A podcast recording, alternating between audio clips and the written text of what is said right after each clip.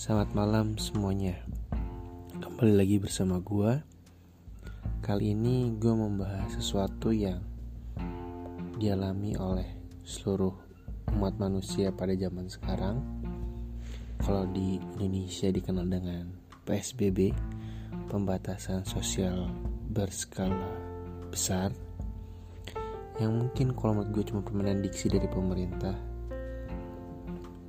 yang kalau di tempat lain disebutnya lockdown atau karantina wilayah kita ada PSBB ya karena PSBB tidak ada kewajiban-kewajiban besar dari pemerintah untuk memenuhi kebutuhan dari masyarakatnya jadi banyak yang kita lihat kemarin mulai padat di tempat transportasi terus juga banyak penumpukan-penumpukan lain yang terjadi karena dari pusat terus ke daerah terus ke pengusaha atau tempat-tempat kerja itu masih belum berjalan dengan mulus. Ya semoga ke depannya bisa lebih baik lagi pemerintah juga bisa lebih care lagi dengan hal seperti itu karena kalau nggak begitu ya nggak akan sembuh-sembuh nggak akan membaik-membaik dengan wabah virus ini gitu mungkin kalau gue ngerasa uh, ini suatu pertanda atau ya kalau gue ngeliat di beberapa media sosial yang melihat membandingkan kondisi alam gitu. Gila. Jadi lebih clear semua udaranya. Pemandangan jelas terlihat semua. Beberapa juga memperlihatkan bahwa banyak hewan masuk ke kembali ke kota terutama di daerah di negara-negara yang di lockdown. Gue sendiri kenapa mau bahas ini? Karena beberapa hari yang lalu dua hari kalau nggak salah tiga hari dapat kabar beri baca berita diperpanjang sampai bulan Mei ini. Nah terus gue nih gue kerjaan gue gimana? Di ikut juga atau tidak atau bagaimana?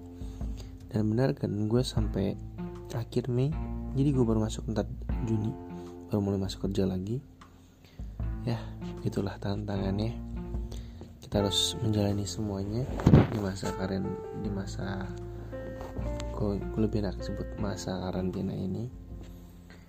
Ya begitulah. Setiap zaman punya tantangan sih bapak sendiri dan gue merasa kasihan juga buat teman-teman yang sekolah kuliah terutama di akhir-akhirnya tinggal merasakan tinggal seremoni akhir mereka sebagai siswa atau mahasiswa lulus. Kayak ya ampun sedih banget. Pesta kelulusan mereka kayaknya terhalang banget gitu. Tapi demi kebaikan bersama ya memang tidak dijalankan. Angkatan-angkatan yang kelas 3 SMA, kelas 3 SMP, kelas 6 SD mungkin kau kan yang kuliah-kuliah gitu. Setelah perjuangan membuat skripsi dan jatuh bangunnya mengalahkan kemalasan yang mencari data sana sini akhirnya bisa sidang lulus revisi lagi baru semuanya beres. Itu gue masa salut sih. Beban juga pasti kayak kecewa ya pastilah namanya.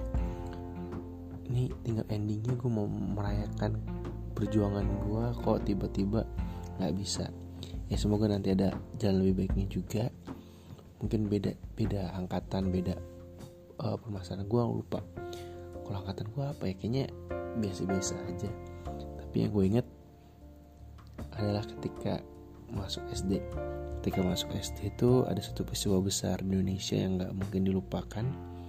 Tapi mungkin ada yang udah banyak yang samar-samar karena angkatan gue aja itu ya ada yang masih bisa mengingat jelas peristiwanya ada yang masih samar-samar dan juga jadi korban juga. Karena angkatan gue adalah angkatan yang masuk SD di tahun 98 98 ya semua orang tahu lah itu udah kasus besar di Indonesia yang banyak memunculkan apa ya bisa katakan pihak-pihak yang berseteru memunculkan banyak aktivis juga memunculkan banyak musuh-musuh juga dalam negara ini.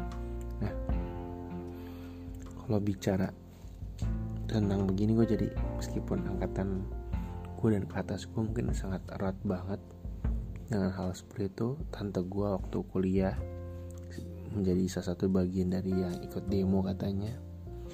Kondisi saat itu dia udah punya anak adik sepupu gue masih bayi tapi dia ikutan turun ke jalan dan masih mahasiswa soalnya. Ya pokoknya begitulah yang gue tahu dan cita-cita bokap cita-cita om tante teman-teman dosen di kampus gue gitu. Jadi ya spiritnya berasa apalagi mahasiswa tuh biasanya spirit seperti itu tuh sangat mengebu-gebu nah kalau bicara lagi soal hal seperti itu gue merasa di setiap era pasti ada sosok yang sangat wah kayaknya ini orang keren banget gitu. Tapi kadang-kadang ini orang kok hancur banget gitu. Jadi jadi public enemy mungkin ada jadi pahlawan. Tapi kok gue merasa setiap orang tuh punya kesempatan yang sama untuk menjadi seorang yang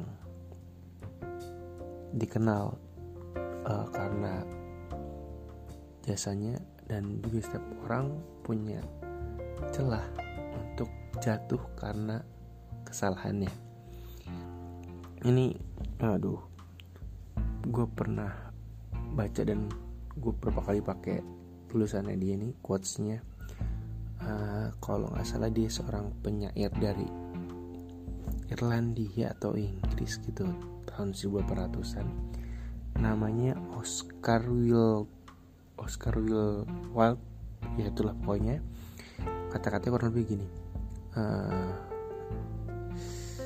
gue Indonesia aja deh biar nggak salah kalau bahasa Inggris. Bahasa Inggris gue kurang bagus.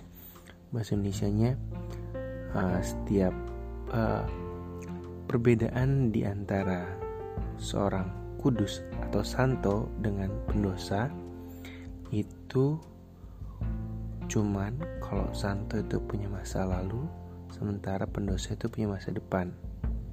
Ntar cari aja sendiri quotesnya gue bahasa Inggrisnya kurang baik dan benar. Lebih seperti itu jadi setiap orang kudus atau santo pasti punya masa lalu punya background story seperti apa sih sebelum dia dianggap kudus. Ini santo ini adalah orang atau orang kudus. Kita preferensinya adalah orang Katolik uh, umat beragama Katolik yang punya proses sendiri dalam menentukan oh ini orang kudus dengan segala macam. Ada prosesnya disebut kanonisasi dan segala macam dan itu tidak mudah menjadi orang kudus dan orang kudus ini nggak semuanya dari lahir dari brojol itu wah gila udah penuh cahaya sinar. Ada yang mereka dari bisa katakan pendosa yang akhirnya bertobat punya kedalaman nilai dan segala macam. Dan di lain pihak ada apa tadi sebutnya pendosa yang masih punya masa depan. Dan kalau menurut gue ya setiap orang tuh pasti punya kesempatan kok untuk memperbaiki diri gitu gue adalah gue nggak tahu pak. Di hidup gue nih di proses karena menjadi santo atau masih di arah pendosanya itu ya nikmatin aja. Karena gue gue selagi gue tidak merugikan banyak orang berarti gue jalur yang benar. Kalau gue udah mulai merugikan banyak orang berarti gue harus introspeksi diri mengenal diri gue sejauh mana sih gue menjalani hidup ini gitu kan. Nah gue tadi lagi ke belakang yang tadi uh, kenapa akhirnya gue merasa setiap zaman tuh punya tokohnya sendiri? Karena gue ngeliat gue sempet agak enak ya. Mungkin tahun 2014 ketika pemilihan presiden gue dan gue masih kuliah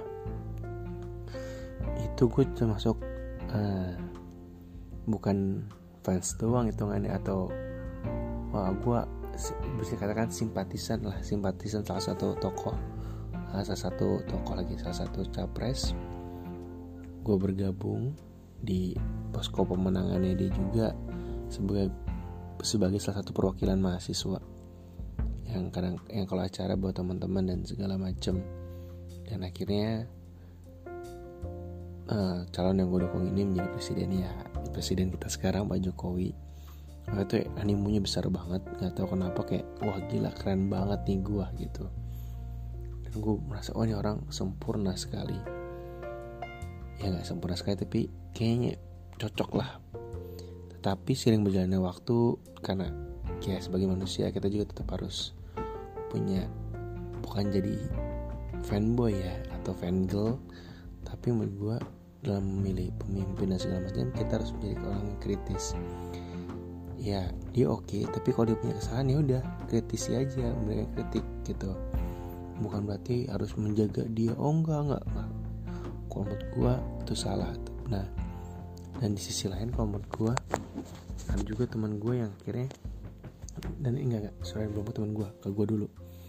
Akhirnya di pemilu kemarin gue tidak se excited pemilu 2014 2019 itu gue biasa aja karena gue mulai terbuka.